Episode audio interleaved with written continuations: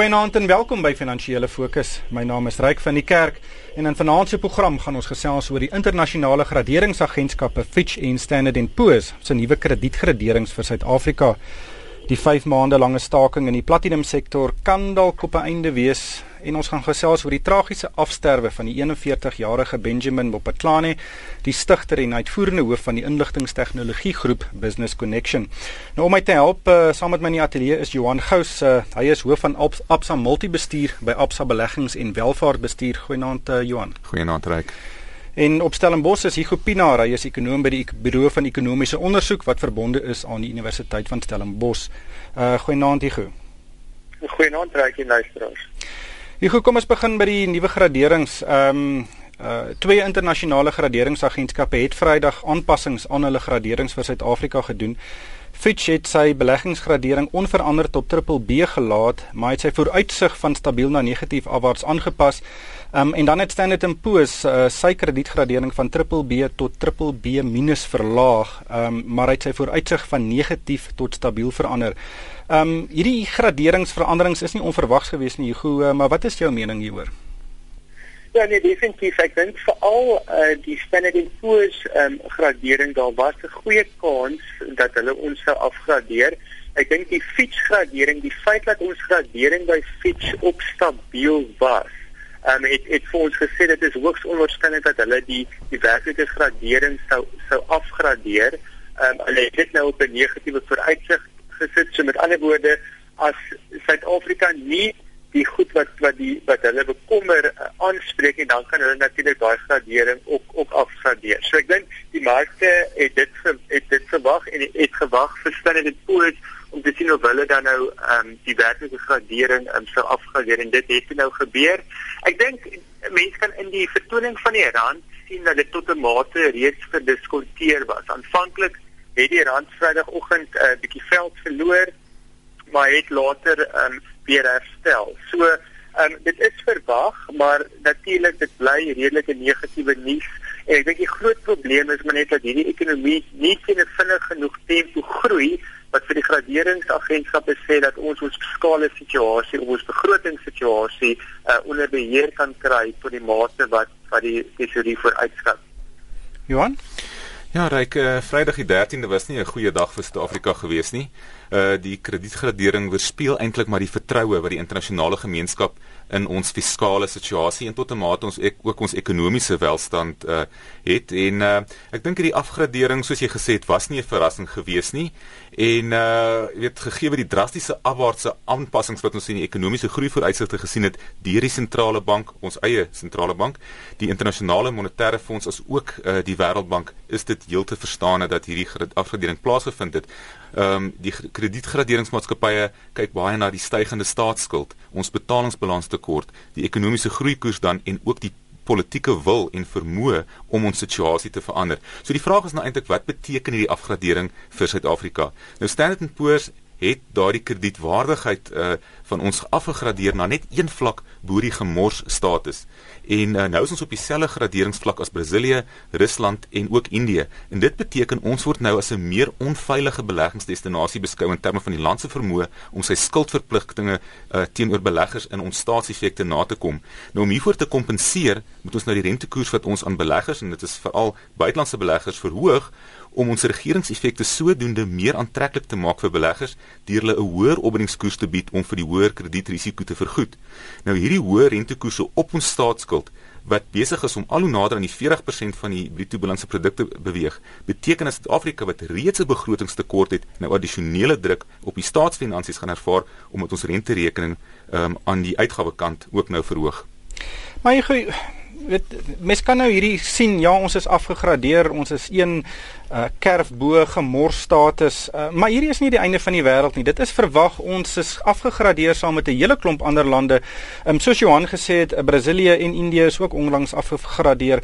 In die groter internasionale prentjie uh, weet hoe wesentlik is hierdie uh, besluite of hierdie aanpassings wat hierdie agentskappe nou gedoen het Maar ek dink Johan het dit baie mooi opgesom, ehm um, reg. Ek dink jy moet dan net onthou die Standard & Poor's gradering, soos wat jy genoem het, het 'n negatiewe vooruitsig.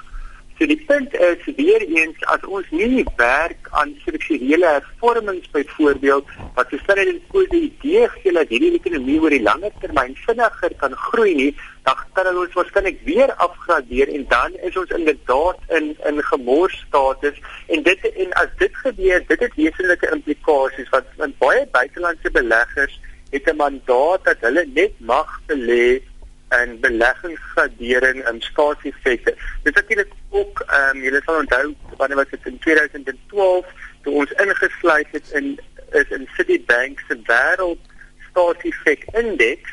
Ehm um, dit het redelike kapitaal na Suid-Afrika toe gebring, maar as ons nie ons beleggingsgradering status behou nie, dan gaan ons uitval uit uit daai indeks.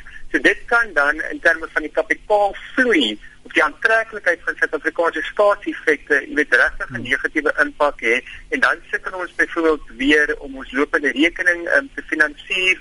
Uh, dit kan effekte hê op die rand wat wesenlik kan verswak en dan natuurlik na die gewone ehm um, um, negatiewe effekte daarvan. So ek dink ehm um, jy weet vir nou is is is nog 'n redelike goeie posisie, maar ons is nou baie naby aan aan die vlak ehm um, wat as ons nog 'n verdere kerf daal, um, dan het dit wesenlike implikasies vir vir die ekonomie. Hoe hoe lank sal dit wanneer moet hierdie agentskappe weer besin oor die gradering um, of anders gestel, wanneer kan hulle ons verder sny? Hoe, hoeveel tyd het uh, Suid-Afrika om um, hierdie skip om te draai? Michu? Ek het 'n redelike idee so, so gewoonlik as as hierdie ouens on, ons op 'n negatiewe vooruitsig sit binne 'n 2 jaar periode, ehm um, neem hulle dan nou besluit ehm um, of om dan nou die die werklike gradering af te gradeer of om dan daai negatiewe vooruitsig na na stabiel toe te verander. So ons het eh, jy weet Robert gesproke nou 'n 2 jaar periode wat, wat hulle nou sal kyk uh, wat gebeur. Kom ons gesels 'n bietjie Johan oor die platinum staking wat dit lyk asof ons dalk eh, 'n uh, deurbraak ge gesien het hierdie week. Ehm um, die partye het met mekaar gesels. Uh, die vakbond AMKU het 'n aanbod um, na sy lede toe geneem. Ehm um, dit is nog in, in beginsel nie Vrydag goedgekeur nie, maar dit daar's regtig dit lyk asof die partye baie nader aan mekaar is en ons hoop dalk nog om hierdie lang naweke ehm um, weet 'n ooreenkoms te sien. Ons het teen weet is uh, Sondag aand ons het nog nie een gesien nie, maar dalk kan ons môre goeie nuus hê. Ja, uh, Ryk Amko het nou Vrydag in beginsel 'n aanbod van die Platinum Mynhuise aanvaar wat 'n 5 jaar plan vir loonverhogings behels, maar wat nie by die aanvanklike eis van R12500 as 'n basiese salaris sal uitkom nie. Soos jy gesê het, verdere besonderhede rondom die plan sou nou oor die naweek bespreek word, maar ek dink die groot vraag is hoe vinnig die myne weer hulle produksie aan die gang sal kan kry en verdere verliese aan inkomste as ook moontlike afleggings sal kan vermy. Nou ander faktore wat nou 'n rol gaan speel vir die mynhuise is die rand se wisselkoers, die Platinum prys en dan ook produktiwiteit want dit sal hulle winssyfers natuurlik wesentlik beïnvloed daardie faktore.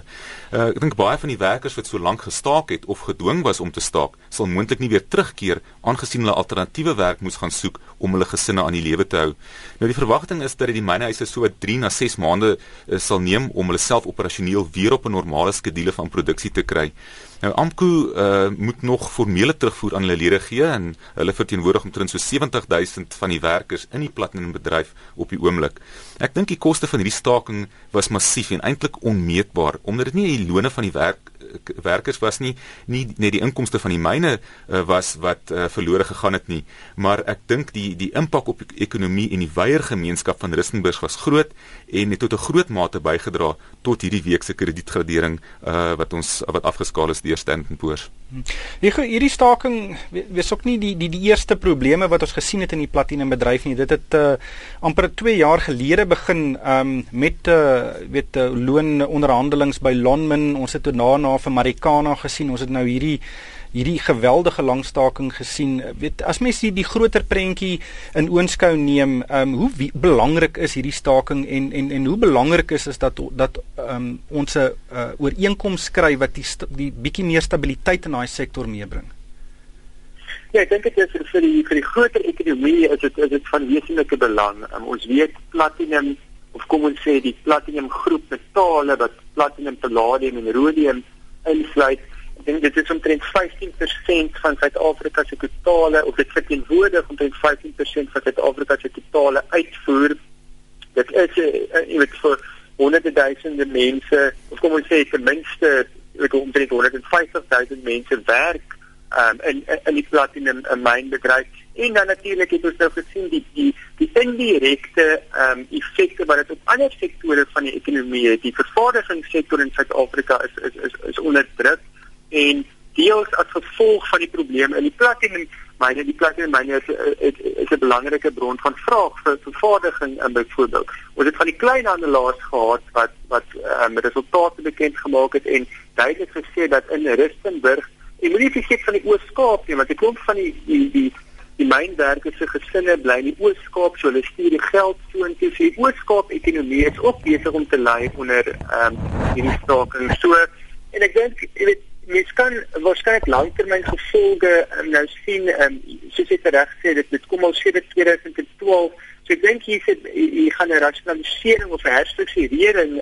van die platinumbedryf um, waarskynlik kom dat 'n paar van hierdie skagte ehm um, kan waarskynlik nooit weer ehm um, oopmaak nie. Ehm um, so dan sit jy met 'n probleem dat van hierdie mense uh jy weet hulle werke gaan verloor. Nou weet Amko, jy weet as deel van die finale ooreenkoms gaan gaan Amko natuurlik probeer beding dat daar nie 'n werksverliese is nie, maar ek moet sê ek dink dit is amper onverwendbaar ehm um, dat dat dit klop mense op die ou einde uh, uh hulle werk gaan verloor. Ehm um, Johan, kom ons gesels 'n bietjie oor ehm um, Benjamin Mopatlani. Hy uh Uh, dit is 'n baie hartseer storie hierdie. Hy's 41 jaar oud. Um, hy's geweldig gewild in die private sektor. Um, hy het uh, die die besigheid Business Connection op die been gebring saam met sy broer. Um, en van basies van twee werknemers gegroei tot meer as 6000. Um, hy is die week uh, dood aan 'n hartaanval terwyl hy in 'n vergadering was met Telkom. Uh, weet dit is nie lekker om sulke kaliber entrepreneurs in Suid-Afrika so te verloor nie. Ja, reg meneer Mopatlani was uh, hoog aangeslaan as 'n besigheidsleier, uh een met integriteit en nederigheid en wat goed met almal oor die weg gekom het. En uh BCX was nou juis in gesprek met Telkom oor die moontlike oorneem van um, hulle maatskappy vir omtrent so 2.7 miljard rand. Nou die partye het aangedui dat uh, ten spyte van die skielike afsterwe van meneer Mot uh Motatlani ehm um, sal nog steeds voortgaan met die gesprekke Ehm uh, maar ek dink dit is jammer om 'n goeie besigheidsleier soos hy te verloor het. Hmm. Gepraat van Telkom, ehm um, die groep het uh, resultate die week bekend gemaak. Omset is basies onveranderd, um, maar die wesensverdienste is op 35% en dit lyk regtig asof uh, Sipho Maseko besig is om die doeltreffendhede in Telkom te ontsluit. Ja, daar was so 'n klein bietjie van 'n verbetering aan die uh, verdienste kant uh, en dan het hulle ook hulle uitgawe kant redelik goed bestuur waar hulle so 2.1% op hulle uitgawes gesny het van die vorige jaar. Ehm um, en ek dink dit het 'n goeie winsgewendheid van ehm um, uh, in terme van groei uh, tot tot gevolg gehad en hulle het met 'n wins van so 8.4 miljard rand, skuis tog, um, opgeëindig. Die grootste sukses vir Telkom was in hulle mobiele stem en intekenaar uh, verdienstes wat met omtrent so 72% gegroei het en um, hierdie eenheid uh, van Telkom sal voortaan nie meer uh, uh, apart bestaan nie en en sal uh, geïntegreer word met met die vaste lyn besigheid oor die volgende 12 maande.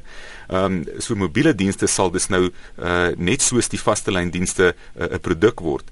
En die verwagting is dat hierdie integrasie die verlies van vaste lyn besigheid sal beperk uh, deurdat Telkom nou hulle stem, hulle data, internet en hulle produkaanbiedinge as pakkette sal begin verkoop op vaste lyn en mobiel. Nou uh, kliënte sal dus in die toekoms net een kontrak met Telkom kan hê uh, vir beide hulle vaste lyn en hulle mobiele behoeftes.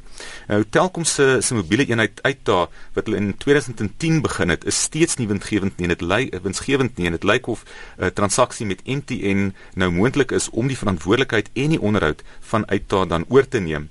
Nou uh, Telkom het het ook hulle krediet uh, goedkeuringsproses uh, opgeskerp en dit het nou ook gelei tot laer uh, slegte skuld, maar ek dink die uitdagings vorentoe vir Telkom lê in die druk op die vaste lyn inkomste weens sterker kompetisie, die moeilike ekonomiese klimaat as ook veranderings in regulatoriese vereistes vir spelers in die bedryf. Ek gou net laastens, ehm um, ons het nou gesien hierdie week dat die rand het 'n bietjie teruggesak, ehm um, tot rondom vlakke van R10.70 teen die Amerikaanse dollar, maar ons het ook gesien dat die olieprys uh, stadig maar seker begin styg het en ons is oor 113 dollar 'n faadjie Brent olie. Uh, en uh, dit lyk asof dan ons weer 'n stewige weet stygings in die petrolpryse uh, aanstaande maand kan sien. Ja, dit word dit word voorkom raak en, en natuurlik dit dit vloei dan nou in die inflasie prentjie in. Natuurlik ons is nou gelukkig die die laaste paar maande was was die petrolprys redelik stabiel en het eintlik bietjie bietjie afgekom. Maar definitief ehm um, weer eens as mens nou vorentoe kyk dan dan sal dit nou afhang vir hoe lank periode hierdie pet of skiet die olieprys nou nou styg. En natuurlik hy moet aanhou styg um, om nou in komende maande nog verder petrolprys uh, verhogings teweeg te bring. Maar ek dink dit gaan nou net weer eens bevestig die moeilike situasie waarin die Reservebank um, verkeer want dit dit gaan nou inflasie ehm um, waarskynlik uh, of ten minste ehm um, inflasie aanhou laat laat styg uh, wat mens nou weer oor die rentekoerse laat laat gesels. Maar ons weet die ekonomie is is baie pap. Ehm um, En so ek dink weet weer eens dis nou 'n bietjie van 'n aanbod skok.